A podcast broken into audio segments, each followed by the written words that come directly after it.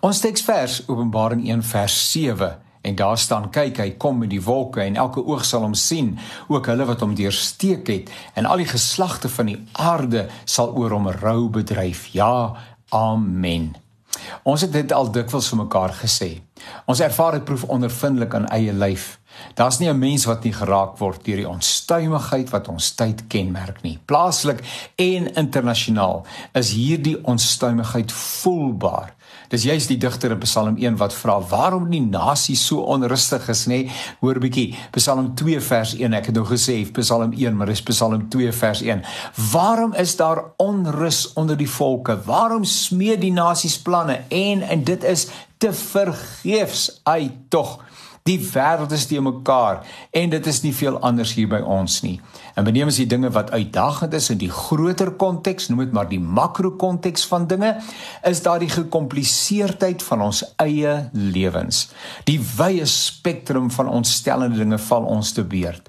Ons raak siek, ons staan verleë en ons is soms teleurgesteld oor dinge wat nie realiseer het nie. Ons verwagtinge word gedwarsboom.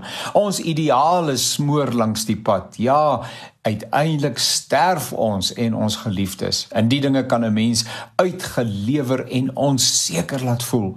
Maar die Psalm waarmee ons hierdie week besig is, wil troos en perspektief bring. En die eerste waar dit vind ons in vers 10 waar daar staan: Verkondig onder die nasies hierdie drie woorde, hoor: Die Here regeer. Die Here regeer.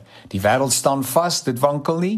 Die Here sal die volke regverdig oordeel. Ai tog nê, die Here regeer ongeag So sê die skrywer, die Here regeer en getuig nie omstandighede nie, nie hartseer en pyn nie, nie die spektrum van gebeurlikhede waarvan Romeine 8 praat nie.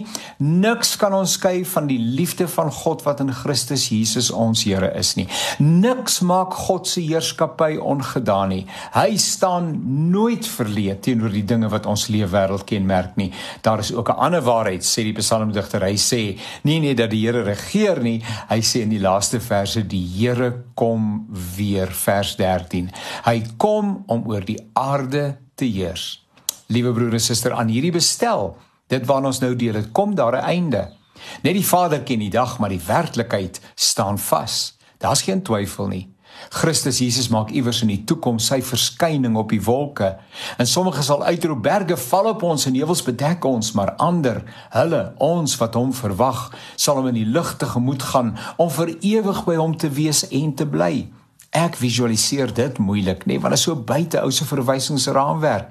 Dis so anders as ons huidige ervarings van die werklikheid rondom ons, maar dit bly steeds waar.